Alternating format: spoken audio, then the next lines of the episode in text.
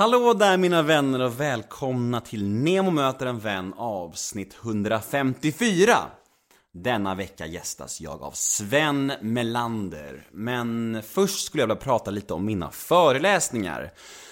Bokningarna börjar rulla in nu för hösten och jag kommer åka till alla möjliga städer faktiskt. Det blir Halmstad, det blir Helsingborg, det blir Ja, det lutar åt Kalmar också, alla möjliga städer. Och om ni vill boka min föreläsning så finns all information på min hemsida www.nemohedén.se.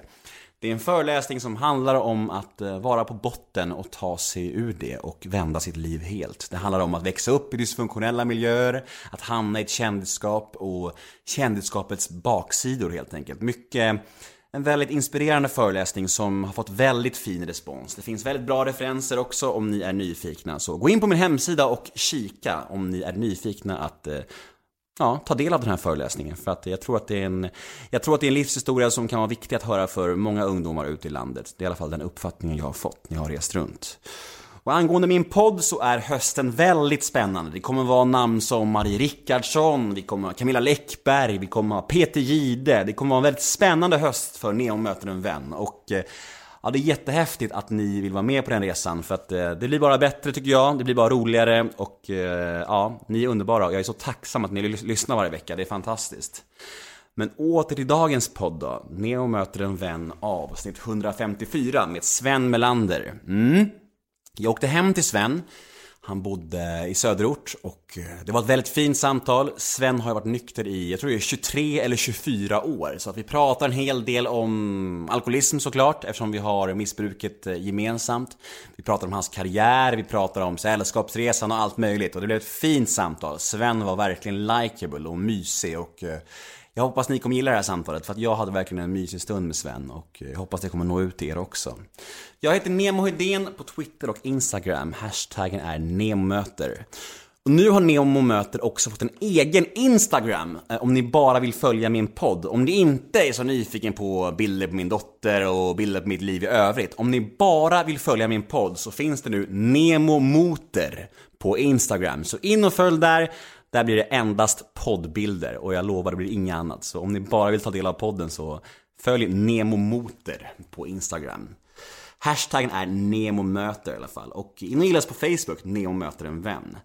Har du några frågor eller önskemål gällande podden eller föreläsningarna eller vad som helst om ni bara vill kolla läget med mig, skicka mail till nemohedén gmail.com Och eh, ja, min hemsida är www.nemohedén.se och eh, ja, in och kika där. Det finns mycket smått och gott där.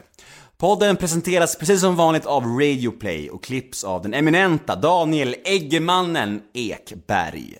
Men nog om mig, dags för Neo möter en vän avsnitt 154. Gäst Sven Melander. Rulla gingen. Nemo är en kändis, den största som vi har. Nu ska han snacka med en kändis och göra honom glad. Yeah! Det är Nemo är en kändis, kändis. den största som vi har. Nu ska han snacka med en kändis och göra honom glad. Yeah! Ja, så här kommer jag att prata och det kommer jag göra oavbrutet. Så vill inte någon säga någonting annat. Fan, är det inte, är det inte Sven Melander vi hör? Jo då, hela tiden. Hej Sven Melander! Hej, hej! Hur är läget? Jo, det är hittills alldeles utmärkt. Ja, Välkommen till Neo möter en vän. tack så mycket. Hur känns det här då? Ja, jag vet, jag vet inte riktigt. Det, det känns väl inget speciellt som det har börjat. Jag tittade på vilka... Jag menar, du har ju haft alla som gäster. Ja, Jag tittade igenom gästlistan och det har ju varit en imponerande samling. ja tack. Ända sedan 2014. Precis, jag började med det som en hobby liksom. Ja, sänder kontinuerligt dessutom. Ja, varje måndag. Ja, jag ser det. Ingen, ingen sommarsemester eller någonting utan det var inrutat varje vecka. Nej, men jag, jag har tänkt så att om, om jag tar semester så är jag så rädd för att tappa mina lyssnare. Det kommer jag inte göra, men jag, i mitt huvud tror jag det. Jaha, så ja. jag vill... Men på sommaren är det mycket svårare med gäster kan jag säga. Då är folk bortresta och sådär. Det är ju alltid på våren och hösten folk vill vara med. Aktuella med saker och sådär. så. Ja. Nej men det har gått bra, det är väldigt kul och, och, och kul att få med dig nu. Jag eh, tack. kontaktade dig för att eh, jag tycker att du har en väldigt sympatisk aura. Jag tycker att du verkar väldigt varm och sen så har vi vissa likheter vet jag eh, i vårt liv och jag tänker att jag ville träffa Sven Melander för att eh, och så la jag upp det på Instagram och folk bara Åh, han är så himla mysig och han är så god. Så jag, ja, jag tror det här kan bli bra. Okej. Eh, vart är vi just nu? Vi är hemma hos dig. Ja, är, jag är ju en farande Sven va. Men eh, man kan säga eh, hemma för mig sen drygt 40 år tillbaka. Ja mer, herregud det är 45 år sedan jag flyttade till Stockholm. Så, eh, så är det här hemma. I, så många år, i 30 år bodde jag i, i Nacka, i Saltsjö-Duvnäs. Men eh, sen några år tillbaka så är den, kan man säga, den fasta Stockholmspunkten är eh, Midsommarkransen. Där vi sitter nu. Men sen tillbringar jag väldigt mycket tid nere i Blekinge där min sambo har ett ställe. Så att, eh, Ja, ni, kör lite, ni kör lite distance eller? Dis, Förlåt? distansrelation eller? nej, egentligen inte utan jag är där mesta tiden. Ah, Okej. Och Mm. sen så, men sen, ja, som förra hösten så eh, jobbade jag i Stockholm och då, då bodde jag ju hemma så att säga. Mm. Här. Men eh, sen har jag, jag är liksom inte hemma någonstans. Jag menar, förra hösten var det i Stockholm, eh, på, spelade Sällskapsresan på Kinateatern. Direkt därifrån jag åkte jag ner och spelade en roll i Sugar i Malmö. Och direkt efter det åkte jag till Stockholm och repade Spanska flugan. De hade lagt repetitionerna här uppe en månad. Och sen åkte jag ner till Helsingborg och regisserade i sex veckor. För, på Fredriksdal. Vilket jävla flängande. Ja, och sen direkt jag var klar efter premiären så åkte jag direkt upp till Göteborg och började repa. Sen spelade jag Spanska flugan i Göteborg eller i Mölndal hela sommaren. Och sen, eh, ja, så jag kom hem. Sen har jag då varit i Blekinge nu sen eh, under september. Vilket jävla... Alltså jag tänker så här. Trivs du med det här flängandet eller har du någon dröm om att någon gång bara slå dig ro och vara på ett ställe? Liksom? Nej, det kan man väl inte säga att jag... Jag menar, eh, under tiden, alla de åren när barnen var små, va, då var jag ju ändå ganska fast i Stockholm ju och eh, gjorde ju väldigt mycket TV i Stockholm under alla de åren. Alltså så hela 80-talet och en bra bit in på 90-talet. På 90-talet började jag jobba lite nere i Malmö. Så att, eh, och sommarställe i Stockholms skärgård. Va? Så att då, då var jag väldigt, väldigt fast. Men sen när ungarna blev större så kände jag det att då kunde jag... För då, tog, då på den tiden tog jag ledigt på sommarna med, barnen ute på landet hela sommaren. Men sen när de blev större och inte åkte på landet längre så började jag kunna jobba på sommaren och gjorde det. Va? Och då blev det mer eh, åka. Men det, det är ju det här jobbet också. Jag menar, man får erbjudanden om kuliga grejer va? och då då har, jag har nog varit väldigt mycket frånvarande också. Eh, det får jag nog erkänna. Jag har pratat mycket med mina barn om det. De är ju stora nu va, men de, de upplever inte... De, de säger i alla fall att det var, att det var okej. Eh, att de har haft en okej barndom. Och det, det hoppas jag att de har haft. Det, blev, det blev folk av dem i alla fall. Ja, men det är det viktigaste. Ja, men Och- annars är jag nog... Eh, jag är lite det här wherever I lay my hat. Mm. Jag har inga, inga problem att anpassa mig till nya. Jag är inte den som har behov av att liksom allting är på sin plats och sådär. Ganska gött ändå tycker jag att den omväxlingen du har fått, tänker jag. Du har fått göra så mycket olika saker och än idag gör du det. Det låter ju på något sätt, för mig låter det som ett drömliv. Att göra liksom bästa av flera världar på något sätt. Ja, det tror jag egentligen. jag tror att... Alltså har man... eh, Jag tror egentligen att har man en missbruksgen, va, vilket jag har, va, så, så tror jag att den, den går ju igenom i väldigt många saker. Va, och det vill säga den går ju även igenom... Jag kallar mig ibland för för eh, livsalkoholist. Va? Liksom man äter livet och man kan inte få nog av det. Man vill vara överallt. Va? Och, och sen är det ju också stresset. Alltså man, Tittar man på det traditionella samhället, om vi nu utgår från det gamla bondesamhället, så levde man ju i någon form av cirkulär tid. Det vill säga, man, man, man sådde på våren och sen så jobbade man på fälten på sommaren. Så kom och man skördade va? och sen kommer hösten när man stoppade in i ladorna och sen kom vintern när man reparerade verktygen va? och förberedde och satt och lagade nätet och båtar eller, och så vidare. Och sen kom våren igen. Och så fortgick ju livet. Va? Hela, så, så rull, rullade det på helt enkelt. Tills industrialismen kommer. Va? Då, då livet blir ju liksom en, eh, ett sätt att man måste uträtta saker. Det, det du gör har ju, ingen, har ju ingen eh, naturlig kontakt med naturen. Du jobbar i fabrik och du skapar saker och du går där och fram och tillbaka och sen du gifter dig för barn och så vidare. Och sen fortsätter du och sen så dör du. Det är ju ganska linjär. Det finns ju ingen så att säga koppling till, till livet runt omkring. Och det vi, tycker jag, vi upplever idag, va, det är ju, det är ju en parallell tid. I varje givet ögonblick som du håller på med någonting så är du ju fullständigt medveten om att på väldigt, väldigt många andra ställen pågår andra saker där du faktiskt kunde ha varit. Alltså, Det är inte omöjligt för dig att om du ser någonting där, "Fa- fan nu är det grejer på gång i New York. Så är det ingenting som hindrar dig att imorgon förmiddag klockan 10 ta en flygmaskin till New York och på kvällen kan du gå på konsert.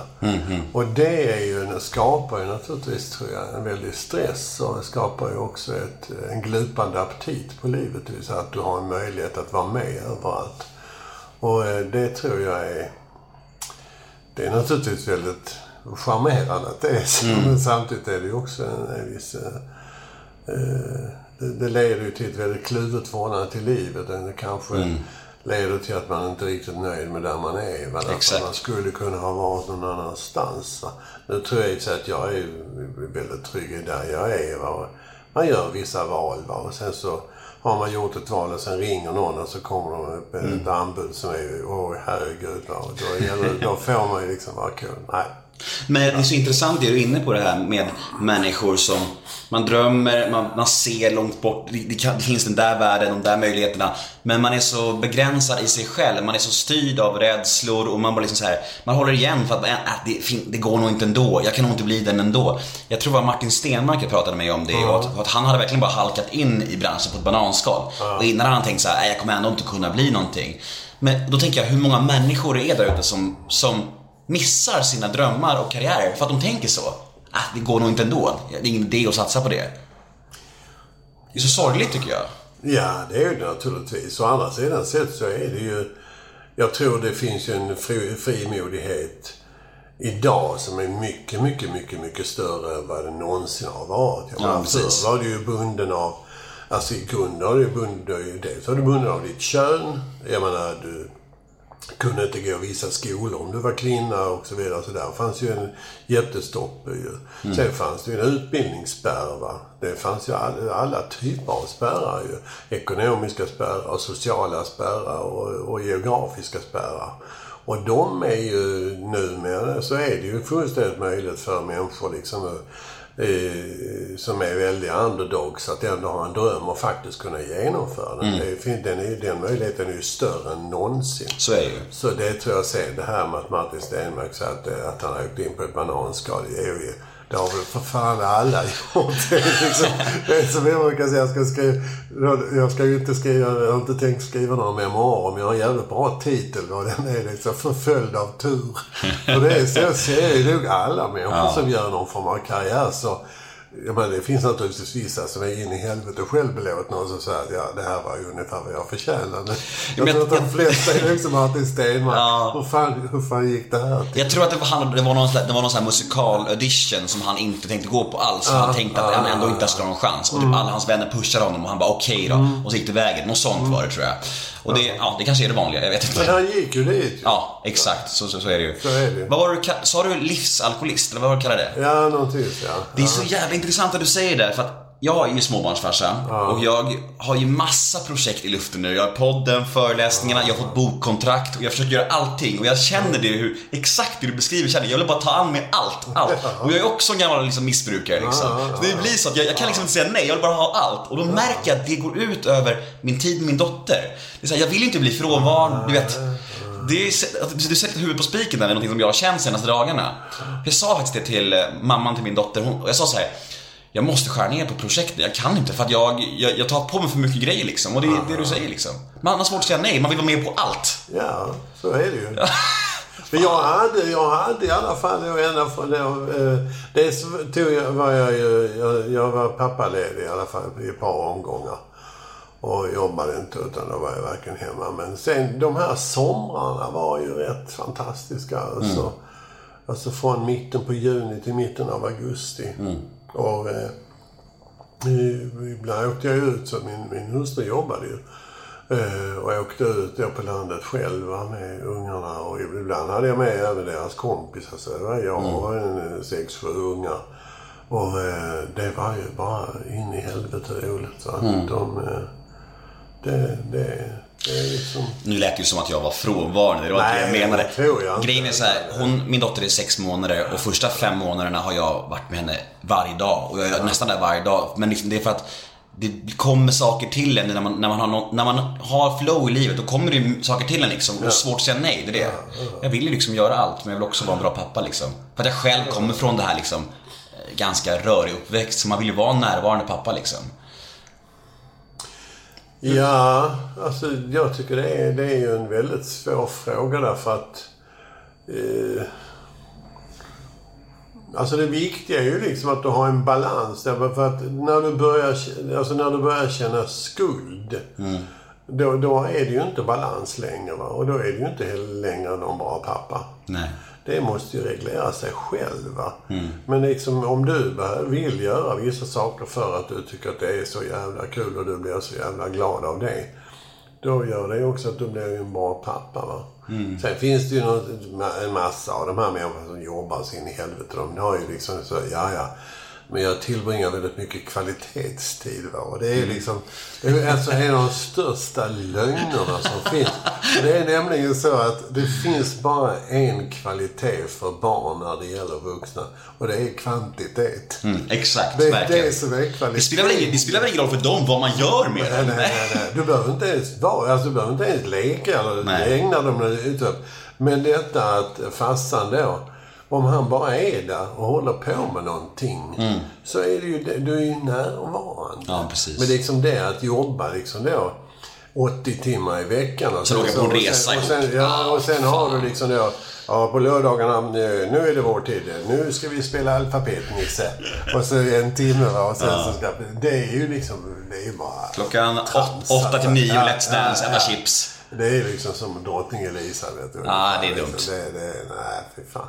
Men jag tycker att det är svårt med balansen för jag känner också att jag vill göra de här projekten för att dra in pengar till min dotter för att hon ska få de möjligheterna eftersom vi, vi inte har så bra, bra ekonomi haft tidigare så och nu börjar jag få det. Då känner jag den aspekten också liksom, att jag vill få in det till henne. Det kanske bara låter som en dålig bortförklaring eller ursäkt men det är faktiskt så jag tänker också.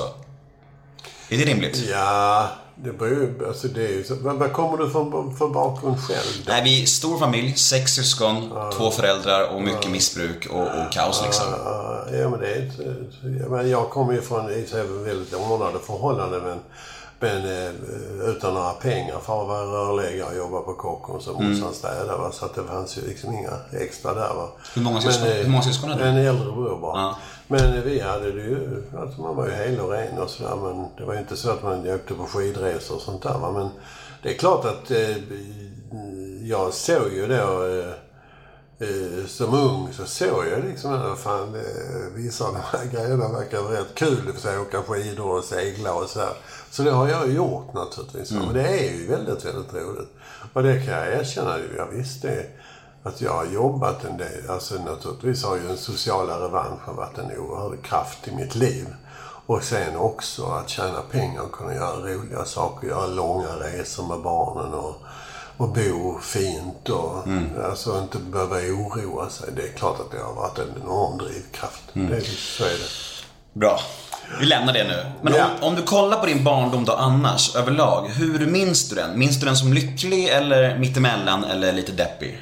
Jag minns den som väldigt lycklig. Mm. Ja, ja. Eh, väldigt lycklig med, med inslag av, eh, av elände. Det vill säga att min far var under hela min uppväxt väldigt sjuk. Eh, och eh, så att det var ju... Eh, ja, han låg ofta på sjukhus och sådär. Vad var han för sjuk? Eh, ja, han var multisjuk. Va? Han, hade fått, han fick TBC när han var ung. Va? Och, Mm.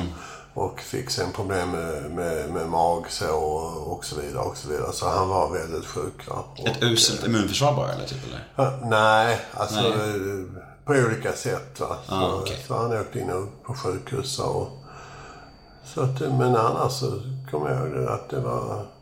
Vi hade väldigt roligt. Det bodde många barn på gården och, och man lekte. Och, Och i skolan gick det ju, det gick bra i skolan va. Och, och eh, nej. Ja. Vem var du i skolan? Ja, jag var ju egentligen var ju den Jag var ju inte skolmogen. Va? Jag var ju... eh, Jag, var- det var ingen bra. Jag, jag, pratade, jag pratade oavbrutet. Jag stod ofta i korridoren och, eh, och sådär och fick stryk och gjorde bus. Och, så det var, det var väl så. Men jag var ju, eh, i alla fall fram till gymnasiet, så var jag väldigt duktig i skolan. Jag hade väldigt lätt för mig. Tills jag kom på, jag hade bestämt att jag skulle bli ingenjör. Va? Det var jag sublimerade min fars dröm och han hade velat bli ingenjör. Va? Men det blev aldrig så. Det fanns inte de resurserna. Och eh, det var ju 60-tal ju, så att det var, ingenjör var ju det stora framtidsyrket. Så då sökte jag till Tänkes att bli ingenjör. Det blev jag faktiskt också. Men eh, där, det var ju väldigt tråkigt att gå där. Det var det faktiskt. Hur, hur länge var det det? Ja, det, är ju tre år, tre år man ska gå. Jag gick fyra för säkerhets skull. Jag brukar säga för att lärarna tyckte så mycket om mig. Och, eh, jag kom ut i alla fall med ett, ett godkänt betyg som byggnadsingenjör. Så jag har ingenjörsringen. Men jag har aldrig jobbat som det. Men här då, just efter den här ingenjörslinjen och det här. Vad, vad hade du för drömmar då? Vad tänkte du om livet då? Ja, då var jag nog lite förvirrad måste jag erkänna. Då var det liksom, då hade det ju kört fast när jag insåg liksom att ingenjör... Jag gick i alla fall, jag gjorde lumpen. Jag tänkte jag gör lumpen. Alltså, jag hade ju mönstrat då och blev, och blev ju då inkallad som det heter i alla fall. Så jag tänkte, ja men det är bara jag gör lumpen så hinner man ju fundera då under ett år. Och sen eh, alltså, var jag färdig då efter tio månader och, gjorde, och munkade, munkade då. Va? Så då gick jag till Arbetsförmedlingen då och så, och så frågade jag vad, vad kan jag så säga, jag, är- jag är i alla fall ingenjör. Höll fast vid det. jag motvilligt var jag tvungen att Du mumlade fram någonting. Ja, ungefär så. Händerna för munnen. Och då hade de ett, då hade de ett jobb som ingenjör. Men det, det, Du bara, nej, måste jag? Nej, det lät. Jag gick hem. Jag har berättat om det många gånger. Jag gick hem till far där. Vi satt så här vid köksbordet gör nu. Och så sa, så sa jag, fan det här med ingenjör är kanske inte min grej. Nej, jag har förstått det, sa far då. Tände en av sina långa bilder och så tittade han länge på det. Så sa men Sven, du ska, du skulle kanske försöka komma in vid tullen. och jag bröt ihop fullständigt. Alltså, jag skrattade så jag tjöt. Och efter en stund började far också skratta. Han var väldigt rolig far. Och han insåg liksom då att nej, han ville ju så väl. Alltså statlig, statlig tjänst, reglerad befordringsgång, tjänstepension. Och jag såg mig själv i båtmössan stå och titta i främmande människors väskor. Så att, eh, nej. Då gick jag till Arbetsförmedlingen igen och då fick jag ett sommarjobb eh, på eh, ett mentalsjukhus i Malmö. Där jag jobbade över sommaren. Och sen visste jag inte riktigt vad jag skulle göra så gick jag till Arbets- Arbetsförmedlingen igen. Och, ja, nej, då åkte jag faktiskt in till Lund för att skriva in mig i Lund. Va? Kan jag fråga bara, avbryt, det här mentalsjukhus. Man blir nyfiken. Hur, hur är det att jobba där? Ja, det var ju, det var ju, det var ju lite sorgligt alltså. Mentalsjukhusen var ju stora institutioner där det låg ju väldigt mycket människor som var dementa. Och jag jobbade först på en avdelning för eh, dementa kvinnor. Va? Äldre kvinnor. Och sen flyttade jag till en annan avdelning där det då, då, det är dementa män och dels eh, äldre män som var schizofrena. Och det var väldigt deprimerande. Det var, det var, det var väldigt Ja, det var... eh, inte så ser det ut ju på den tiden. Det, Men jag lärde sig naturligtvis en massa om livet. va. Och en del av de patienterna där, de var ju... Jag kommer ihåg, det var en gammal snickare då. Hans, hans eh, fjärrminnet var... Närminnet hade han inget av, utan han visste inte vad han var. Och vi började prata om hur det var när han var ung. Och då berättade han i detalj om hur det var när han jobbade och när han åkte och dansade och sådär. Det var ju fascinerande.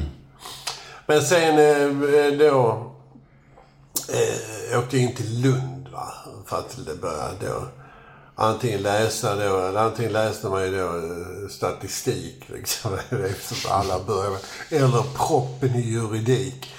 Alltså proppen i juridik, det var de som inte dög till någonting. De blev jurister. Alltså var det på den tiden. Idag är det jävligt svårt att komma in och bli jurist. Och då var det bara liksom, det var de som blev över ville bli Är det sant, alltså? Ja, ja, för fan. Vad sjukt. Vem fan ville bli jurist? Och det ändrats helt ju. Alltså statusen på yrket. Ja, det är bara när man tittar på TV, alla ska bli sådana Ja, ja, kanske det. försvarsadvokater. Fan vilket hemskt jobb. Att försvara människor som man tycker är as, det måste vara helt bisarrt alltså. Att så här försvara Breivik liksom, vad fan är det? Alltså hur fan går det till liksom? Nej, nej, men det är ju viktigt ur juridisk synpunkt, men fy fan. Men hur sover man om nätterna då om man ska försvara Breivik liksom? Det är jättemärkligt. Alltså, Men i alla fall så, där, jag åkte därifrån. Jag skrev aldrig in mig. Gick jag till Arbetsförmedlingen igen. tredje gången gillt. Nej, för fan. Nu fick jag jobb på ett hem för socialt störda barn och det var väldigt intressant. Barn till missbrukare som inte kunde bo hemma. De bodde på ett hem då. Så gick de i skolan då och så fick de frukost och sen kom de hem och så läste man läxor och tittade på TV och sen gick de och la sig. De bodde där alltså under, under perioder när de inte kunde vara hemma. Och ibland så skulle de fosterhemsplaceras då om man letade efter fosterhem. Och då såg jag en annons från Journalisthögskolan. Att man kunde söka till Journalisthögskolan. Och då gjorde jag det och kom in. Det var ett test på den tiden. Hur går ett sånt test till? Ja, det var rätt omfattande. Det var ju, dels var det ett vanligt intelligenstest. Och, och sen var det läsförståelse ungefär som svåra ord vid högskoleprovet. Och sen var det, man skulle redogöra för, eh, man skulle skriva om en lagtext i begriplig svenska. Och det var, sen spelade de upp en intervju på en bandspelare och så skulle man skriva ner vad som hade sagts. Det var alltså en del praktiska tester och en del rent teoretiska. Och, eh, och sen efter det var det då, och då gick man då vidare. Det var ju väldigt, väldigt många sökande. Det var då media började bli väldigt populärt, slutet på 60-talet. Och sen de som gick vidare då så fick man åka upp till, i, mitt fall Göteborg. Det fanns ju bara två skolor, Stockholm och Göteborg. Och eh, göra en intervju. Och sen så blev man antagen. Du var journalist ganska länge, eller hur?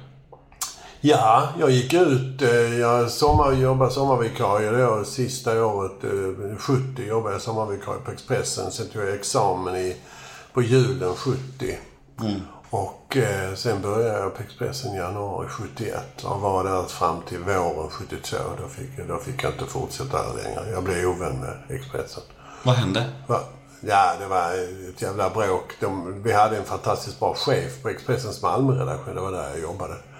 Eh, en otroligt bra journalist som hette Kurt Karlsson som sen blev chefredaktör på Sydsvenskan. Och sen skulle han liksom sidsteppas för det kom ner någon från Stockholm vars fru hade fått jobb i Malmö och då ville inte han ha någon chef över sig. Och det var, det var en kille som inte jag hade mycket till övers för. Och, Nej. Och det blev ett liv på redaktionen naturligtvis då. Va? Så en ganska stor redaktion i Malmö. Och då kom hela Expressens ledning ner. Och det här var ju 72. Det var ju mitt under Viet- Vietnamkriget. Jag var ju rätt radikal. Jag vet inte, jag kallar väl dem för arbetsköpare. Och så, så, så de, de lät ju förstå att jag inte hade någon stor framtid inom Bonnierkoncernen. Jag hade ju... Och du jag är, svart, du är svartlistad än. Ja, jag hade ju, jag hade ju bara vikariat. Jag gick och väntade på att få fast anställning. Det är kaxigt ändå om bara, bara vikariat och säga såna grejer. Ja, det, jag är fortfarande väldigt stolt över det. Ja. Och så sa de, det, du får inte, det, nej, ditt vikariat blir inte förlängt. Nej, skitsamma tänkte jag. Mm. Jag har alltid jobbat i hamnen eller vad fan som helst. Någonstans måste man säga ifrån. Mm. Men då, eh, då Kurt som då var chef, han, han var kompis eh, med Aftonbladets redaktionschef som heter Bengt Nordin. Så han ringde upp honom och sa att vi har en kille här som ni skulle ta titt- en titt på. Och eh, då så sa de det, visst skicka upp honom så var han ett sommarvikariat. Så jag åkte till Stockholm då och började på Aftonbladet den 1 juni 1972. Och eh, sen gick det väl ett par, några månader bara så var jag fast anställd. Hur många år var du där? Jag var där från 72 till 79. Sen var jag borta 79 och jobbade ett år som redaktionssekreterare på Radio Stockholm. Eh, och sen... Eh, jag var bara där ett år. Och sen gjorde jag långfilm och lite annat. Och sen på, kom jag tillbaka till Aftonbladet på hösten eh, 80. Och jobbade där till hösten 82. Då var jag, tog jag tjänstledigt för då hade man nöjesmaskinen i TV börjat. Så var jag tjänstledig till 85, då slutade jag. Men kvällstidningsvärlden, back in the days. Hur skulle du beskriva den tiden och hur det var att jobba där? Alltså de åren. Var det... Ja, den var ju, den var ju helt fascinerande. Det var ju, det var ju kvällstidningarnas guldålder. ju. Det såldes ju en och en halv miljon eh, kvällstidningar varje dag i Sverige. Helt galet alltså. Ja, det var det. det var, ju- så det fanns ju resurser. Och sen kan man säga att på gott och ont så var det... Aftonbladet låg ju kvar i gamla Klara ju. Och eh, många av legenderna var ju där. Va? Alltså med Benke Melin och, och Allan Fagerström och hela det här gänget som jobbade. Fantastiska skribenter. Så det var ju väldigt, väldigt roligt och många, många udda människor. Va? Och samtidigt var det ju lite halvmisär också för det söps ju väldigt kraftigt på tidningarna och till och med på arbetstid. Va? Så det var På redaktionen alltså? Ja, ja, ja. Det, här var full, full fart. Det, Vaktmästare Gustafsson han kom på morgonen halv nio och tog upp, tog upp beställningar. Han frågade, jag första morgonen kom han fram till mig och sa ja redaktören, ska det vara någonting från Glasbanken? Jag, men shit. jag fattar inte vad han menade. Nej. Ja, på bolaget. Nej, jag tyckte fan, vi sitter ju och jobbar. Ja, så gick han ner till Systembolaget på Tegelbacken. Så, Det är klart som fan man blir, man, man blir missbrukare på en sån jävla arbetsplats. Ja, ja, Vad fan? Dåliga odds att inte bli det. så var alla, sen, gick- det gick ju några år sen så fick vi en ny personaltidningsredaktör som hade jobbat, eh, som var journalist på Aftonbladet som hette Sigvard Lindström, Sillen. Och eh, han tyckte det var bedrövligt så han kopplade in Alnarådet och så började man städa upp. va. Och Vad är det för någonting? Andra rådet. Alna, det, är väl, det var väl ett statligt råd för, mot alkohol och narkotika. Okej, mm, ALNA. Så att de kom in med personal och Mm. för, föreläsningar och... Små vakter som passade er att ni inte började supa nej. på dagtid. Inte riktigt så. Men det, det stramades upp helt enkelt. Jag förstår. Ja, därför det, det höll inte alltså. Nej. Det, det.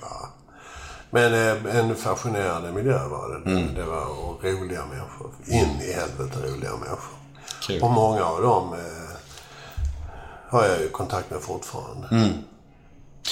Hur, hur var övergången från kvällstidningsvärlden till film och nöjesbranschen då? Alltså, vad hände? Var, varför? Hur kom det sig liksom?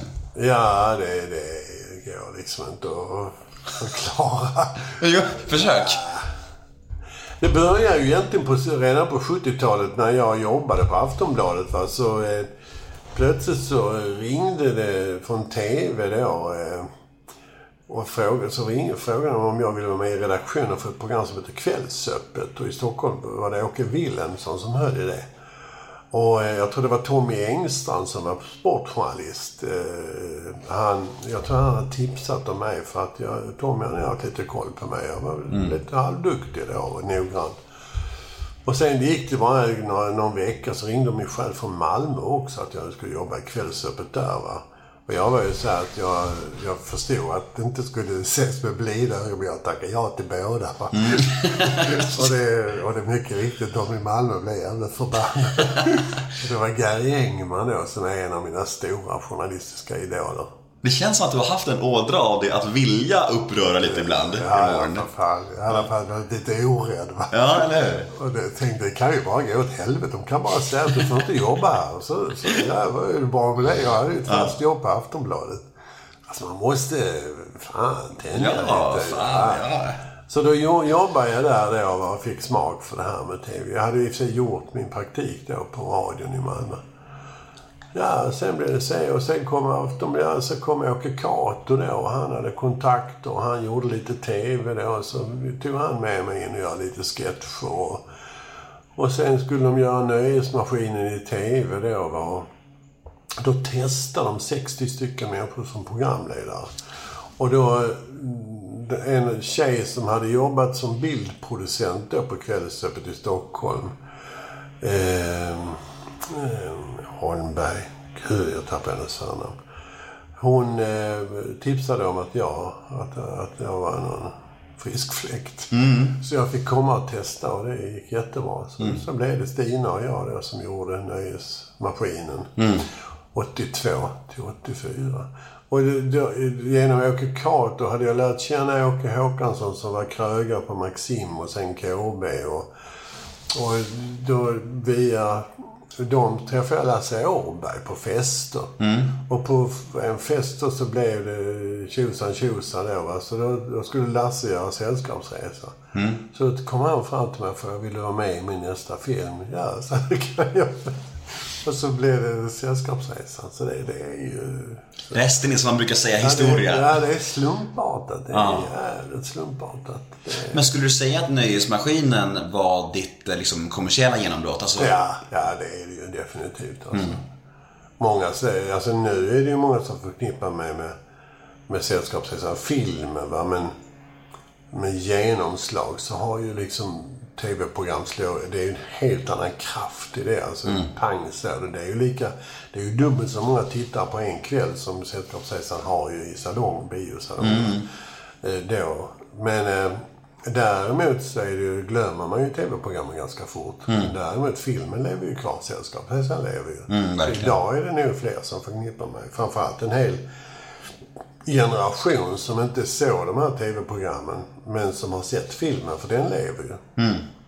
Så, så är det nu i Sällskapsresan. Men, men med Nöjesmaskinen då, det här kommersiella genombrottet att helt plötsligt bli som kändis. Hur var det då? Hur uppfattar du den, den biten? Att bli så här igenkänd och så här plötsligt? Ja, det var väl egentligen någonting man hade velat hela tiden. Det tror jag. Att man hade gått och drömt om att bli någon. Alltså jävlar är det, nu ska ni få se. Och sen, men sen var jag naturligtvis också lite förberedd. Jag menar, jag var ju ändå 35 år när vi gjorde Nöjesmaskinen. Va? Så jag var liksom inte 17-18. Jag hade dessutom jobbat på kvällstidningen i flera år. Och jobbat på nöjesredaktionen. Så jag var ju ändå lite medveten om hur det fungerar. Men det är klart att lite skadad blev jag väl. Jag trodde att jag var någonting. Men det Ja, gick man, över. Man kanske blir lite, om man går så här från 0 till 100 i den här igenkänningsgrejen så kan man bli ganska, ganska kaxig kanske, eller man får mycket luft liksom. Upplevde du det själv också? Ja, inte då, men jag tittar jag tillbaka på det så tror jag nog att jag i vissa fall var lite odräglig.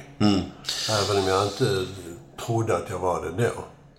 Och så träffade du Lasse Åberg på en fest och vart castad till hans filmsatsning. Det var faktiskt innan, innan Nöjesmaskinen. Det är två år innan. Så den var ju ingen... Då tyckte folk att det var en rolig jävel. Men jag kom hem, klippte jag mig, rakade mig och började jobba med andra grejer. Så det var liksom ingen som var liksom pejl. Det, det tog ju rätt lång tid när jag gjorde Nöjesmaskinen så folk började koppla ihop att han, programledare i Nöjesmaskinen, det är han, det är Sven Melander, han är Nöjesmaskinen, Sven Melander, Sven och Stina, Sven och Sven. Fan, det är ju han ju. Det är ju han i filmen. Den första som såg det, det var ju... Den första som såg det, det var många som såg det, men Thomas Ledin kommer jag ihåg. Vi gjorde, han var gäst i Nöjesmaskinen. Och vi gjorde en intervju med honom. Det var väldigt trevligt så fan. Och sen sjöng han en trudelutt då va. Och ja, alldeles utmärkt. Det är en utmärkt människa. Väldigt, väldigt trevlig och behaglig. Och sen så när vi, det var ju direktsändningar. Och sen när vi slutade då va, så det var ju fredag kväll då va. Och vi står utanför studion på gamla A1, vid Vallalavägen. Och en lång korridor va. Och Ledin hade packat ner sin, sin gitarr och och hans eh, hustru då, eh, Marie, var där. Och sen var de på väg, hade kanske något entourage med var de på väg ut, alltså långt, långt. Och vi stod kvar och snackade skit. Och sen när de är vid dörren, då plötsligt stannar Ledin och så sätter han ner väskan. Så vänder han sig om och så skriker han bort mig. Ju du! Och, och så börjar han gå tillbaka mot mig. Jag tänkte, fan han är ju jätteförbannad här. Nu har jag ju sagt någonting eller gjort någonting. Det är ju du! Tänkte man var full i någon krogkö eller sånt där. va. Och så kan jag säga, det är ju du som går fram till mig och säger, fan det är ju du från Sällskapsresa. Wow! Jag tänkte, Då har vi suttit i TV intervjuat och Men det var grejen. Ja. Han hade träffat Berra. Mm, precis. det var lite... Och det var nog första gången jag själv också på allvar upptäckte liksom att wow, den figuren har ett liv. För det var ju två år efter filmen kom. Och att den fortfarande levde ett helt eget liv. Det var första gången jag förstod det. För annars var det ju så, Sällskapsresan, ja det var en ro, rolig film och Och recensionerna var sådär va. Och sen, men den gick ju som fan då. Fram, Mm. men, men sen lades det ju ner och sen tänkte man, ja ja. Det var det. Men det var väl någonting, alltså Sällskapsresan hade väl den första filmen, det var väl miljonpublik, var det inte det, på bio? Jo, den fick ju det så småningom. Men det är ju en sak, men till, även om den har miljonpublik så läggs det ju ner. Ja, ja. Alltså, sen går den inte längre och så tänker man, ja ja, sen kommer det nya filmer va. Mm, Men, eh, men den, det var lite som... Ja, det är väl lite som Stjärnornas krig eller Indiana Jones. Vissa filmer får ju en, en egen, en, eg- ett eget liv. Ett och arv, Sällskapsresan typ, har ju verkligen fått det. Den går ju jämt i TV. Mm, repriser, repriser. Ja, det- ja. Och det är ju inte, egentligen så är det ju väldigt få filmer i svensk filmhistoria som är så, så kult förklarade ja, som Sällskapsresan. Ja, det är väldigt, väldigt, väldigt få. Egentligen är det väl bara... Alltså jag kan ju bara komma på att den, Göta kanal är lite Mm, åt det hållet också. Och kanske... Eh, möjligtvis en kärlekshistoria. Och Man, en mannen på taket kanske. Ja, möjligtvis. Ja. Ja, men det är inte många i alla fall. Nej, det är kan, det. Där kan vi... En del av Bergmans naturligtvis, fast det är en helt annan publik. Mm. Men då ska vi snacka lite Sällskapsresan. För att jag la ju upp en bild på dig på Instagram och många vill ju fråga om det. Ja. Eh, din karaktär Berra, hur kom han till? Och fick vart det som Lasse önskade eller? Vad, hur var snacket kring Berra? Ja, det var egentligen inget snack alls. Nej. Alltså, eh, jag läste, jag fick ju manuset då, va? så läste jag manus och jag upptäckte liksom att Berra då är ju skriven väldigt mycket som eh, Stockholms killar, alltså med Stockholms uttryck och sånt där va. Och eh, jag frågade Lasse då va, när vi skulle börja då, så, men, så, ska han Ska han liksom vara söderkisten här va? Så, nej, nej, nej, nej. Så, det är du, sa han. Ja, ja, okej. Och eh, sen var det sen var det som det var. Jag, jag gjorde så gott jag kunde. Eh, så att det var ingen... Och Lasse var tillfreds med det. Hur skulle du beskriva Lasse som, som regissör och filmskapare?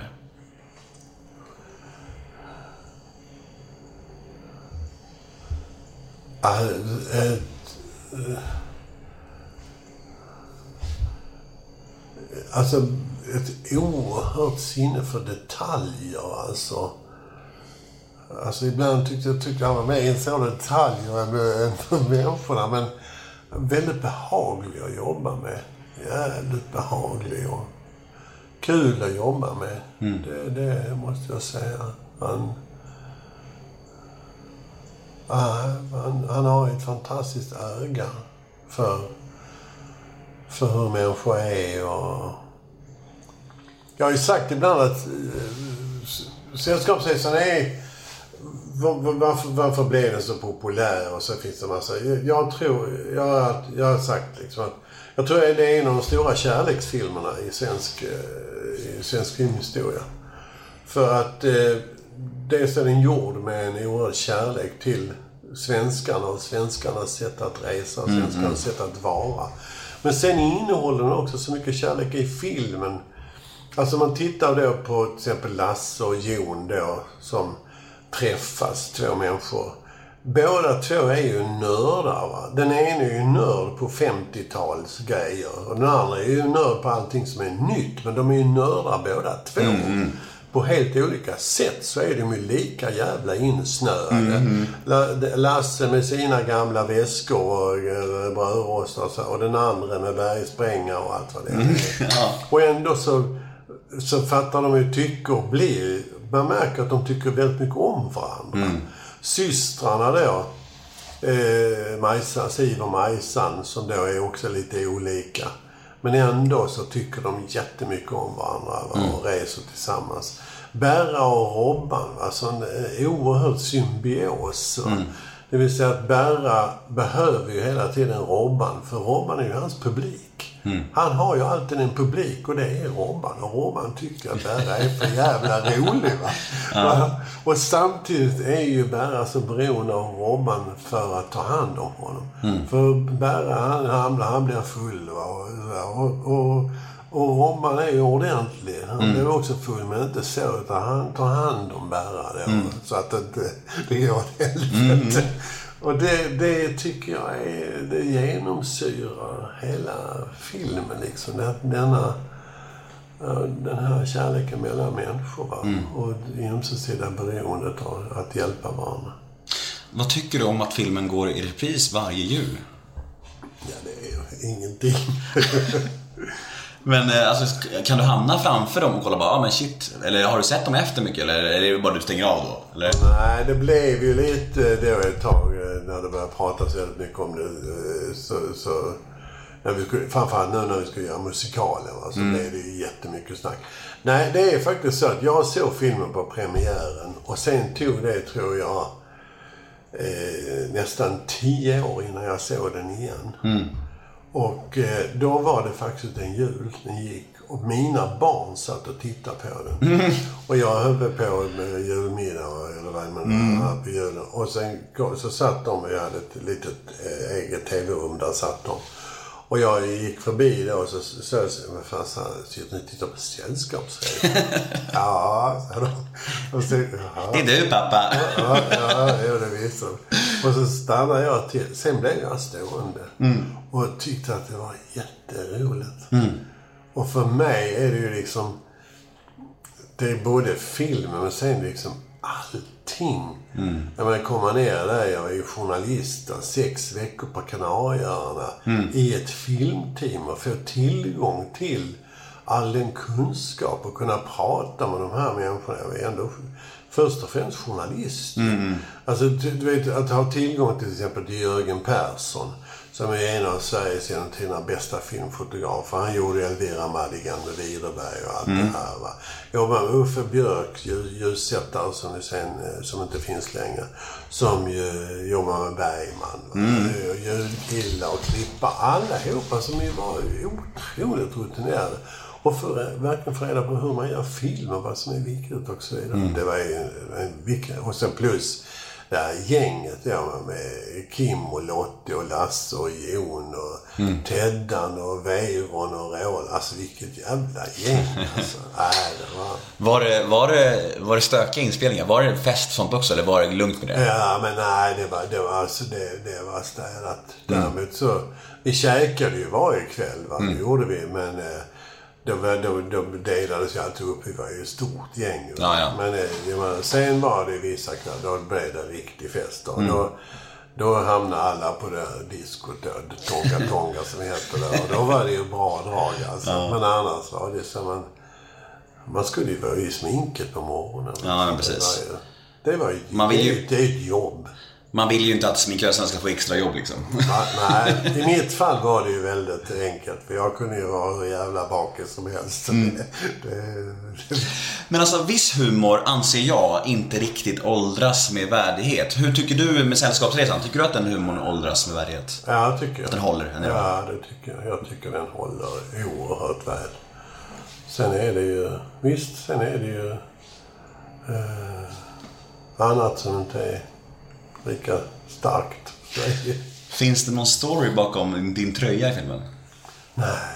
Inte vad jag vet. Du får fråga Lasse. jag får göra det. Det var, det var någon lyssnare som undrade det. Berätta storyn bakom den där fantastiska tröjan. Nej, det var ju det var väl en RFSU-kampanj va? Alltså, den tröjan börjar väl bli aktuell nu igen va? Ja, jag tror det. Ja, jag tror att det, känns som att de är på väg tillbaka. Rackarns. Allting går igen. Vi varnar våra kids där ute, ungdomarna. Ja, precis. Använd skydd. Använd tröjan. Använd svensk tröja. Om du ser tillbaka på din karriär då, eh, hur kan du säga någonting som höjdpunkter eller någon, någon så här milstolpe som du anser sj- själv i efterhand så här? Nej, det tycker jag inte. Det har ju varit väldigt mycket som har varit roligt. Ja, höjdpunkt och höjdpunkt. Det är klart, nöjesmaskinen på sitt sätt är är ju en, en, en höjdpunkt när det gäller TV. Därför att jag anser fortfarande att nöjesmaskinen ändrade svensk TV-underhållning. Det, var, det var det första stora brottet mot eh, den gamla underhållningen i TV som jag tycker var mer av marknadstyp. Det vill säga eh, lite av Hylandsstycket som ju kom ju från en klassiker från radion. Och, eh, hejsan hejsan, välkomna ska ni vara. Ikväll bjuder vi på och det här ska bli fantastiskt. Va? Och det, det, det, vi bröt ju mot allt det. Va? För det första så är det så att TV bjuder inte på någonting för det är vi själva som betalar. Va? Och sen tycker jag det är konstigt att sitta och säga att det här ska bli fantastiskt. Va? Och jag, jag reagerar fortfarande idag, för det är tillbaka nu. Nu är det tillbaka igen. Va? Man, programledare avslutar ofta programmet och säger oj vilken härlig kväll vi har haft. Och jag, jag, jag, för mig är det obegripligt att man står och recenserar sitt eget program. Är, du kan ju ändå vara, vara väldigt, väldigt säker. Om du har en miljon som tittar och du säger vilken härlig kväll vi har haft. Va? Så är det i alla fall hundratusen som säger, hur fan kan du säga det var ett jävla skitprogram. och de hundratusen, de säger ju det också, vilken jävla idiot den här programledaren är som inte fattar att det här är jättevärdelöst. Och det har jag aldrig förstått. Vi sa ju aldrig det Stina. Vi sa aldrig nu ska ni få se. Åh nu ska ni få se. Det är klart de ska få se det. För fan det är TV går ut på. Det är ju ungefär som att det är textat för blinda. Alltså, Ja. Vad fan är det för jävla trams? Och sen liksom sa vi aldrig liksom att ja, åh det här, åh vad det här var bra. Och det är samma sak där va. Det finns en massa som inte tycker det är bra. Och då, då måste de ju säga inför sig själv att den programledaren har inte riktigt klart för sig. Nej. Och Du är inte där som representant för tittarna. Du är där som representant för dig själv. Och du liksom... Det är, någon gång hände det faktiskt att någon sjöng så jävla... Bara som man liksom bara så här, vi, vi tittar på honom så här, wow. Och Sen, fick, sen sa vi inte mer. Nej. Och det, det tycker jag att nu är det tillbaka att man recenserar sig själv. Åh vad härligt, åh vad roligt vi har haft ikväll. Och vilka fantastiska människor. Jag, jag, jag fattar inte det alltså. Nej. det, det är ungefär fortfarande så att nu, vi, att vi bjuder på någonting. Va? Och jag, jag, jag reagerar mot det. Men så är det. Så är det. Vi går vidare. Ja. Eh, Du har ju en väldigt framgångsrik YouTube-kanal. Ja, i alla fall Facebook. Ja, Facebook-kanal. Vi, vi klipper det, vi tar om det. Du har en väldigt framgångsrik Facebook-sida. Vad säger man då? Ja. Kan man säga det? Ja. Ja, 120 000 följare någonting. Ja. Hur känns det då? Det är ju 130 000, det är ju helt vansinnigt. Ja, ja, ja, det vet jag inte. Nej, men jag menar inte inget negativt mot dig, men det är väldigt mycket folk. Ja, ja, det är helt otroligt. Jag är, jag är flabbergasted som man säger. Ja, men hur kommer det sig tror du? Vad är det, du, vad är det med dig och den där, de grejerna du säger där som tilltalar folket tror du? Ja, det är väl ja, det är väldigt svårt att säga, men det är väl, eh, det är väl lite... Jag försöker göra någon... eh, någon jag försöker säga det som inte är direkt väntat. Då. Sen försöker jag alltid hitta någon sorts skruv på det. Eh, än att bara säga eh, liksom det här är dåligt eller det här är bra eller den är dum eller vad det är. Utan man måste liksom ha någonting mer att komma med. Men ibland är jag också bara jävligt förbannad. Va? Det är, jag, vet, jag, jag vet faktiskt inte. Men att, att på ett kärnfullt sätt eh, såga vissa företeelser tror jag är rätt populärt. Utan krusiduller.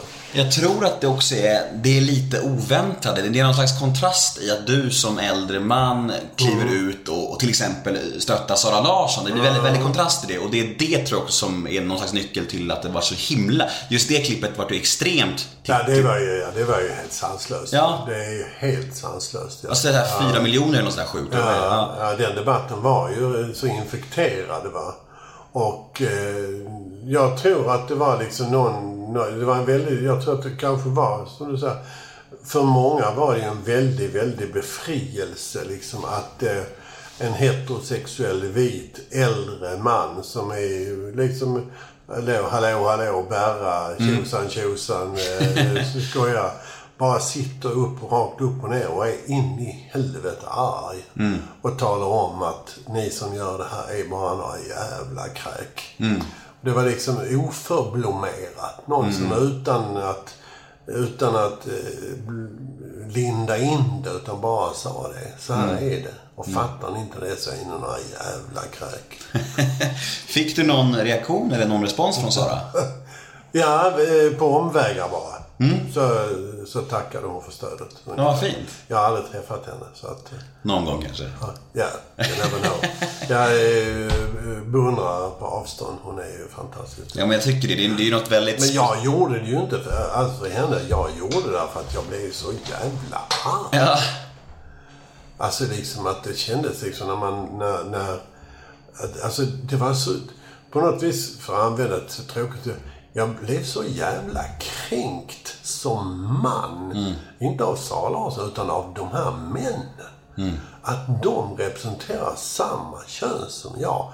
Och, har, och liksom har mage att uppta tid och plats med sina fullständigt idiotiska uttalanden.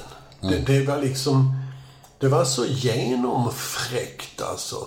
Så på något vis så kändes det liksom... Det var liksom... Vad, vad, vad i helvete har jag gemensamt med dem? Det är hemskt att jag har det. Det var... Jag, jag var kränkt som man. Det här med intervjuer som vi gör just nu. Hur trivs du i den här stolen du sitter i just nu? Att bli intervjuad? Tycker du om det? Eller vad har du för relation till intervjuer? Ja, det, jag, tycker det jag tycker det är så trevligt. Va? För man tvingas tänka efter. I början va? tyckte man ju det var väldigt oh, wow. det var ju, förstår. Så, det var ju jätteroligt. Så. Och eh, sen... Eh, sen har det ju blivit en väldigt många intervjuer som är så att säga väldigt mycket plikt. Det vill säga när man jobbar med projekt och teater så... så PR, liksom. Ja, ja, det är PR. Och, då, då, och det är ju en del av jobbet och det försöker jag göra så bra som möjligt och så ofta som möjligt. Va? Det gör jag ju alltid. Det, det, det har jag faktiskt fått lite beröm av vissa teatrar. så här. Det är väldigt, väldigt roligt att jobba med för det är aldrig några problem. Va? För det blir ju så här, men måste jag, måste jag? Vad fan, det är ju i jobbet. Man får åka, okej. man får flyga upp ibland på morgonen till någon morgonsoffa sitta och försöka och, och vara trevlig och prata om någonting som man ska göra. För det betyder, det är ju det är ju viktigt att man gör det ju. För att eh, det ska, folk ska gå och titta på det man gör. Va? Så det tycker jag det är bara en del av jobbet. Sen är det sån här grejer ofta, det är ofta rätt så kul därför att det blir, det blir man pratar om andra saker och man det blir ett annan, en annan form av samtal. Ja, jag gillar podden som fenomen för att man får prata till punkt också. Ja, ja. Och, det, och liksom, här kommer inget klippas ut. Du vet, om du gör en intervju med en tidning, om du gör en intervju med en tidning så vet ju inte du vad som kommer med liksom. Nu vet ju du att allt du säger kommer komma med liksom. Och, det, och det, jag tycker att det är rätt skönt att eh, ge den möjligheten till mina gäster. Jag vill ju ha det här av flera anledningar, eh, men en av anledningarna är ju för att vi har ju lite gemensamt i och med att jag är ju ny- nykter sen 26 månader. Två år, Oh, två, wow. Två år och två månader har jag varit nykter. Tack så jättemycket. Det är, det är stort, det är stort alltså. Ja, det är klart att det är. Det är, ja du vet ju själv, alltså framförallt första tiden alltså, det är ju helt nytt liv. Ett helt annat liv. Jag är liksom så här, alltså jag, jag, jag, när jag blev nykter och drogfri, alltså det var ju augusti 2015. Då trodde jag så här, nu är mitt liv över. Jag trodde att mitt liv kommer, allt kommer, jag kommer aldrig kunna ha kul igen. Och då satt jag ändå helt ensam och söp och knarkade, helt isolerad, helt tragisk så här. Och jag trodde någonstans att det var fest fortfarande. Jag var så jävla, jag lurade mig själv så hårt. Och nu idag liksom så här bara, dotter, poddsuccé, bokkontrakt, föreläsningar. Allt bara kommer till mig och jag mår ju, jag är så lycklig liksom. Livet bara händer liksom. Det är så jävla fantastiskt. och nu ler du. Nej men det, det är det. Jag är bara såhär, wow, livet. Ja, det är så jävla liksom, wow. Det är coolt. Och jag blir såhär, jag tänker att, jag, jag vet att du inte är jättefan av att prata om det här, men du kanske ska göra ett undantag när, när du ändå sitter med en eh, jämlik framför dig. Du, har, hur länge har du varit nykter nu? Eh, om en månad så är det eh, 23 år. Här sitter jag och är nöjd med liksom 20 26 Ja månader. men det ska du, det ska du för fan vara. Ja, jag är nöjd. Jag är stolt. Det är väl ingen tävling? Nej, det är det inte. Men, för, men men för mig är det lång tid som fan. Jag var, eh, Adde Malmberg han har varit nykter hela sitt liv. Är det sant? Har, ja, han har aldrig Helt, druckit. aldrig? Hur kommer det sig? Han har, han har aldrig varit intresserad. Nej. Så det. Ja, men hur, men alltså jag måste fråga.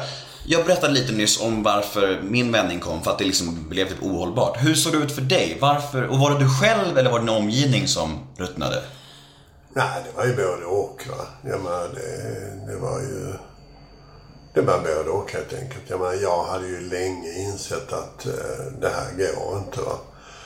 Eh, och det, jag ville inte längre därför det var, jag, jag, mådde ju, jag mådde ju inte bra. Alltså det, så var det ju. Mm. Det som jag brukar säga, sprit i stora mängder är kraftigt överreklamerat. Eh, och sen var det naturligtvis min dåvarande hustru, var Karin, som ju satte ner och sa att eh, så här kan det inte fortsätta. Du måste sluta. Och så, så anmälde jag mig då till, eh, eh, till behandling. Så jag gick i... Var det Nämndemansgården kanske? Nej, jag, jag, jag, egentligen skulle jag ju på något liknande men, eh, men så jobbade jag under tiden. Va? Så, jag sa, så jag sa liksom att jag, jag har inte tid. Nej, Nej va? det finns viktigare saker att göra än att bli Nej, nykter. för fan. Jag har inte tid. Nej, jag sa, men du, du kan gå i öppen behandling. Ja, det är perfekt, så jag kan jobba under tiden. Så jag gick då, då hade man då, eh, det hette det Provita tror jag det hette på den tiden. Och då hade de en öppenmottagning på Drottninggatan i Stockholm. Så det, dit gick jag eh, då, eh, ja, jag gick för dit i princip varje dag. Va? Eh, Under fem eller sex veckor. För mellan nio och två. Och eh, sen jobbade jag efter det klockan två. Så jag och Kände du, kände du någonstans att det var extra skam i det för att du var offentlig människa? Eh, nej, egentligen inte. För att när jag anmälde mig till Provita då va, så sa de att vi har en sån här behandling och för kändisar och den är i. Norr, ja, den är i Norrköping. Ja. Och eh, det var det jag inte jag kunde. Då skulle jag åka dit och vara där. Och sa, men jag kan inte, jag jobbar. Ja, men då har vi öppen eh, mottagning här va. Ja. Och eh, då så sa de, men det, då är det ju, då är det ju liksom inte bara kända utan då är det ju vanliga människor va. Och jag kände liksom, fan jag har väl ingenting att skämmas. Nej. Jag är ju sjuk ju, så att det. Ja, och sen när jag var klar då så, eh, så sa de att sen måste du gå på möten då, A-möten. Eh, och, eh, och då så sa de också, då finns det en grupp va, på Östermalm där det är bara folk från TV och radio. och då tyckte jag, jaha, så jag, tänkte det är samma sak där. Jag, jag, för sen gick man på efterbehandling så har du varit på möten? Nej, så jag har inte varit på ett enda möte. Så jag går inte på möten. Så Nej. jag har inget behov av det. Och jag lovar er, skulle jag känna att jag har behov så kommer jag gå på möten. Jag har aldrig varit på ett möte i hela mitt liv. Är det sant? Inte ett enda tolvstegsmöte? Nej, aldrig Okej. Ja. Utan jag kände liksom när jag var klar där så var det klart. Det är så intressant för att du säger att det var en behandling som var lite för kändisar i Norrköping. Jag var ju på behandlingshem för 26 månader sedan. På ett behandlingshem utanför Norrköping som är för offentliga människor och så lite Ja, men då kändisar. är det det. Ja, Det är sjukt alltså. Cirkeln sluts här lite ja grann. precis. Våra vägar har mötts. Det var tanken med det här. Vad fint. Men jag kände liksom aldrig det att jag hade behov av att... För det är ju liksom, någonstans så blir det ju liksom...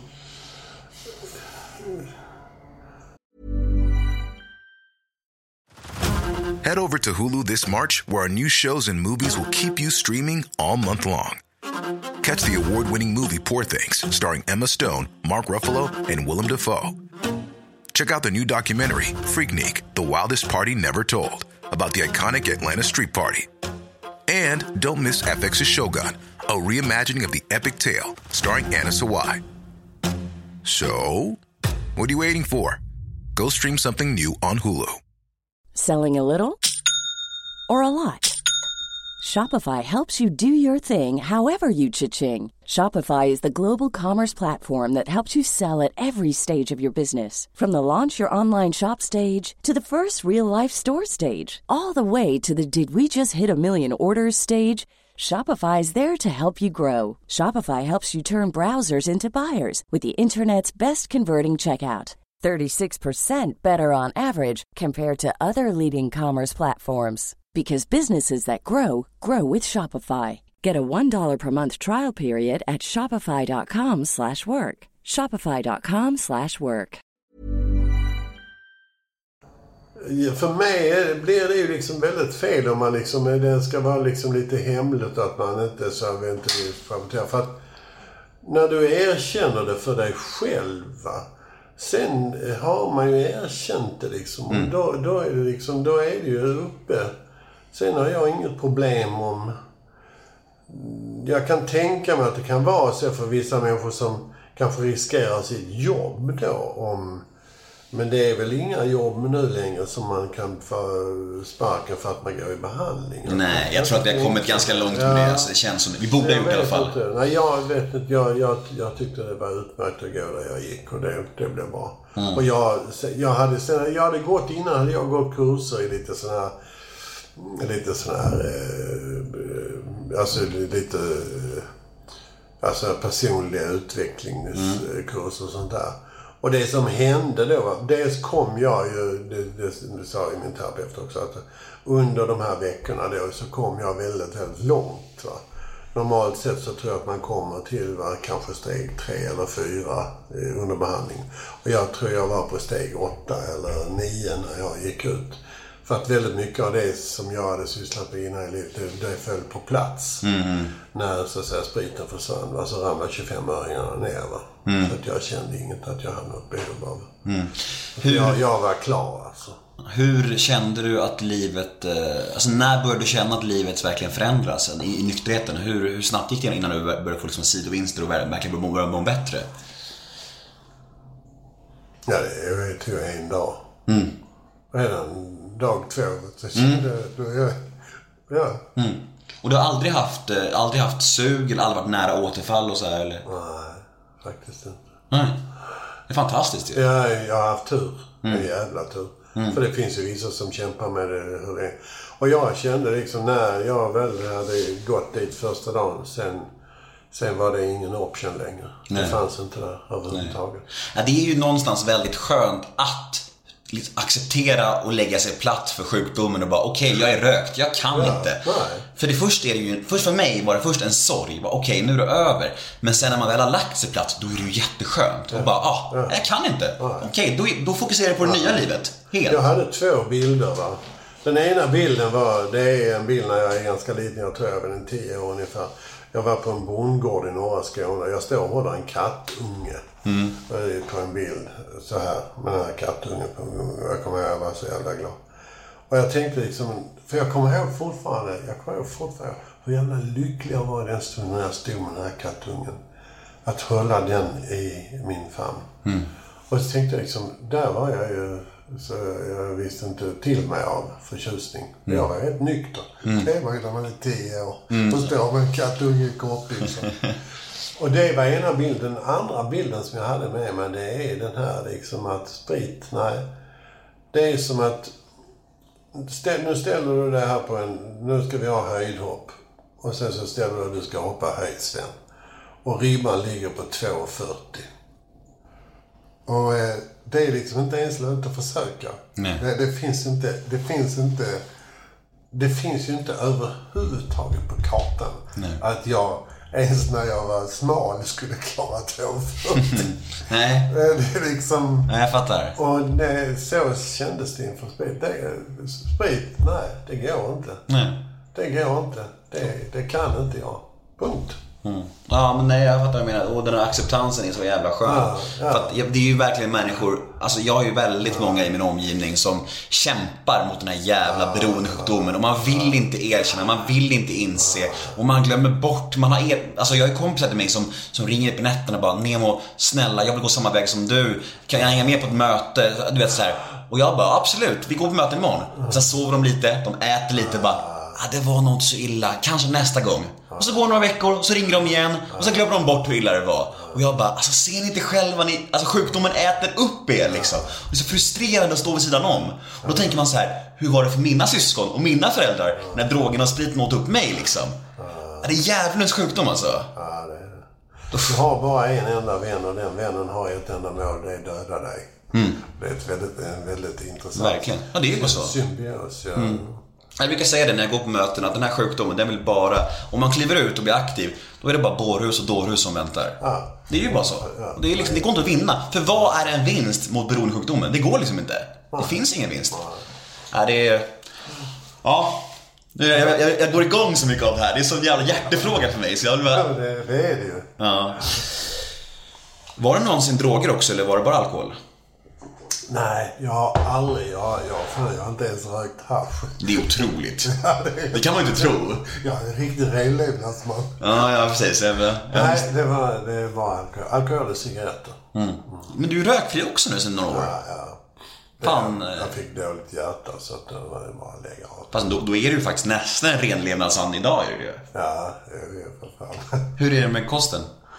Ja, det kunde varit mycket bättre. Jag har börjat skärpa mig. Ja. Men jag brukar säga så här, man, får- man, fan, man får ha någonting i alla fall. Du, eh, du fyller ju 70 om tre veckor va? Ja. Fan, jag har koll. Jag är påläst. Wikipedia. Hur känns det? Har du någon åldersnoja eller? Nej. Nej. Du är lugn, trygg.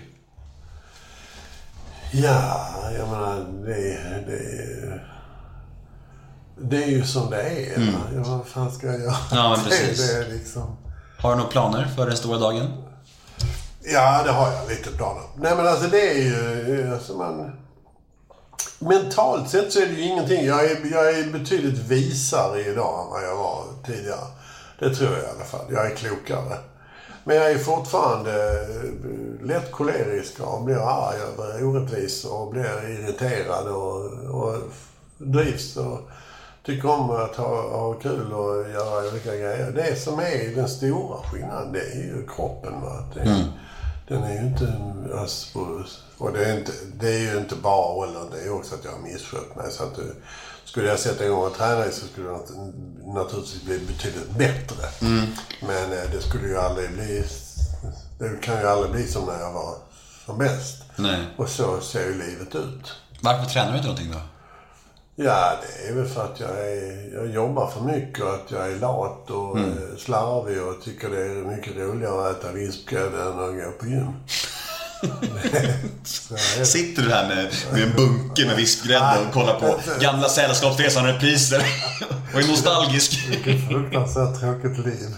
Ja, det var deppig syn alltså. Deppig nej, syn. nej, nej, det gör jag inte. Nej, jag, jag äter väl felaktigt, det kan man säga. Men är du rädd för döden? Nej, inte, det är inget jag funderar över. Nej. Det Alla... Det kan inte vara helt fel, alla dör ju. Ja. Det är liksom... Ja. Det, det är... Nej. Alltså det, det, från början finns du ju inte. Då är det ju ingen som saknar dig. Nej. Och sen så är du där ett tag. Sen finns du inte igen. Nej. Och det är klart, då lever du kanske lite i minnet av, hos dina barn och kanske några gamla vänner. Och sen så... Ja, man är så liten och betydelselös. Ja, fejdas man Nej, ut. fejdas ut. Ja, det kan- den där tanken skrämmer mig kan jag säga. Att man bara är så, hur betydelselös man är. Den är jättejobbig tycker jag. Ja, så. Jag vill verkligen Ja, vara det, ja, men någon. det, ja, men det är du ju. Ja. Det, är det är väl helt okej. Jag menar, sen när du är död, då är ju då skitsamma. Då har du ingen, ingen uppfattning i alla fall ju. Nej. Jag har mina poddar kvar, så det är lugnt. Du kan lyssna på dem kanske, som ett legacy lever vidare. Ja, ja men det är ungefär så. Det kan vara någon som sitter och tittar på Sällskapsresan. Men vad fan, varför ska man ha en legacy? Vad fan Nej, det? nej, det är sant. Vad spelar det för roll? Man är, man är ändå Möjligtvis, död liksom. Man är ändå död. Ja, någonstans kanske någon att... Eh, jag menar, att lämna efter sig någonting. Eh, att man på något vis kanske att... Att man gjorde skillnad. Att man gjorde lite... Att det blev lite roligare kanske. Det, det räcker ju. Då har man ju. Ja. ändå gjort ett avtryck. Och kanske ett större avtryck än vad många andra gör. Mm. Så att det... Nej, det är ingenting. Det är ingenting att fundera över. Är, Vad skulle du säga är ditt mörkaste karaktärsdrag?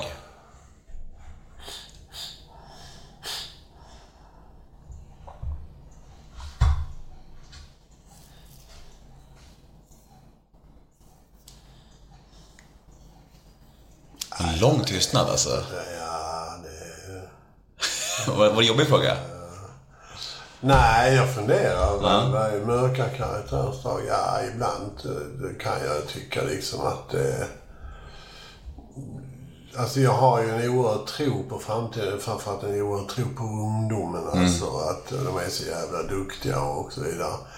Men sen eh, ibland, alltså när jag tittar på... Eh, när jag ser på eh, viss utveckling, alltså framförallt eh, eh, människans girighet och, och politikers lomhördhet. Alltså Trump och Erdogan och den typen av politiker.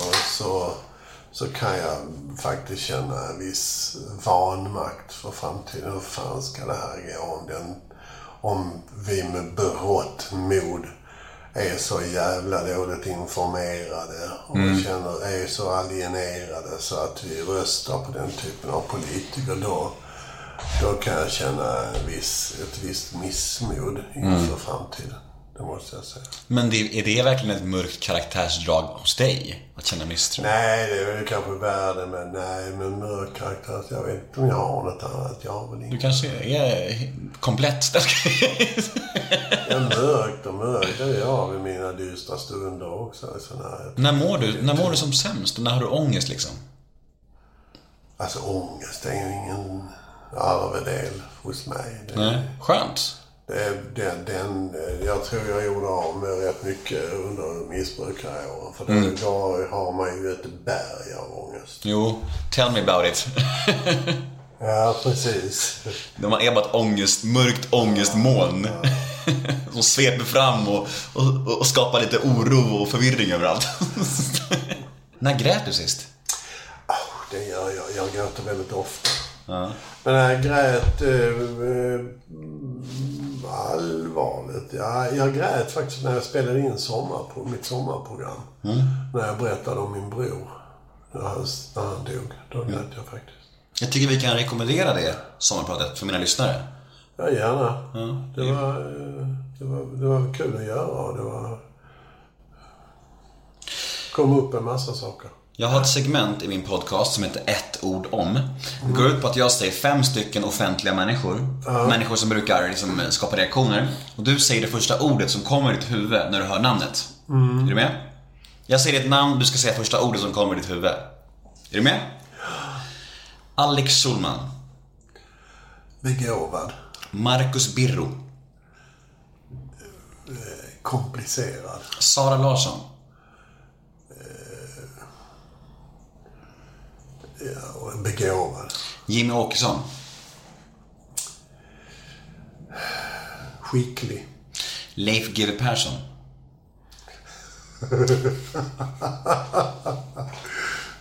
Vän. Är det en vän till dig? Ja, kan man säga. Jag tänkte avsluta med tre små korta brev från lite lyssnare. Och vi börjar med brev ett. Lyder så här. Hej Sven! Vem skrev Vår julskinka har rymd? Rymd? Rymt. Rymd, rymd, jag skrev fel. Och vem kom på idén? Ja, eh, melodin skrevs av Billy Butt. Och jag tror jag en kompis till honom som jag inte är riktigt säker på. Texten skrevs av Åke Cato. Och jag vet inte om Billy Butt hade det här med att den handlar om julskinka. Men texten är Åke Catos och den är helt kongenial. Är en lysande text. Många tror bara att det är en tramstext. Men den är så jävla elegant skriven faktiskt. Vad är skillnaden mellan genial och kongenial? Ja, alltså genial, då kan det vara genialt i världsarten. Men kongenial, då är den liksom... Då är den ju ihop med någonting. Alltså i sitt sammanhang. Är den. eh, För jag menar, att, att bara säga att ju, texten ju, vår julskinka har runt att den är genial, det är den inte. Alltså, Nej. däremot, Ja, du menar i sammanhanget? Det, det, det gör ont när knoppar brister, det är genialt. Ja, ja. Men den är kongenial, alltså i tanke på att det är en julvisa. Men är det samma med fundersam och konfundersam? Konfunderad? Konfundera? Nej, det är lite annorlunda. Ja, kan du berätta skillnaden där med? Jag har alltid undrat nämligen. Ja, ja, ja, men man är ju inte... Eh, eh, man är ju inte konfundersam, man är ju konfunderad. Det finns ju inte i den andra. Nej. Och fundersam, det är ju något annat. Man är fundersam, va. Men när man är, man är fundersam, då, sitter- då grunnar man ju någonting på någonting. Men när man är konfunderad, då har man ju ställts inför ett faktum som man liksom inte riktigt... Jaha, vad var det för någonting? Och det är Det är liksom... ju likt i alla fall. Ja, det är det. Men ja. det är ändå inte samma. Nej, okej. Mm. Brev nummer två. Bästa Sven, du är så härlig. Jag har en fråga. Vems idé var ballongdansen? Ballongdansen egentligen har en lång historia. Ballongdansen är ju ett gammalt varieténummer från Paris.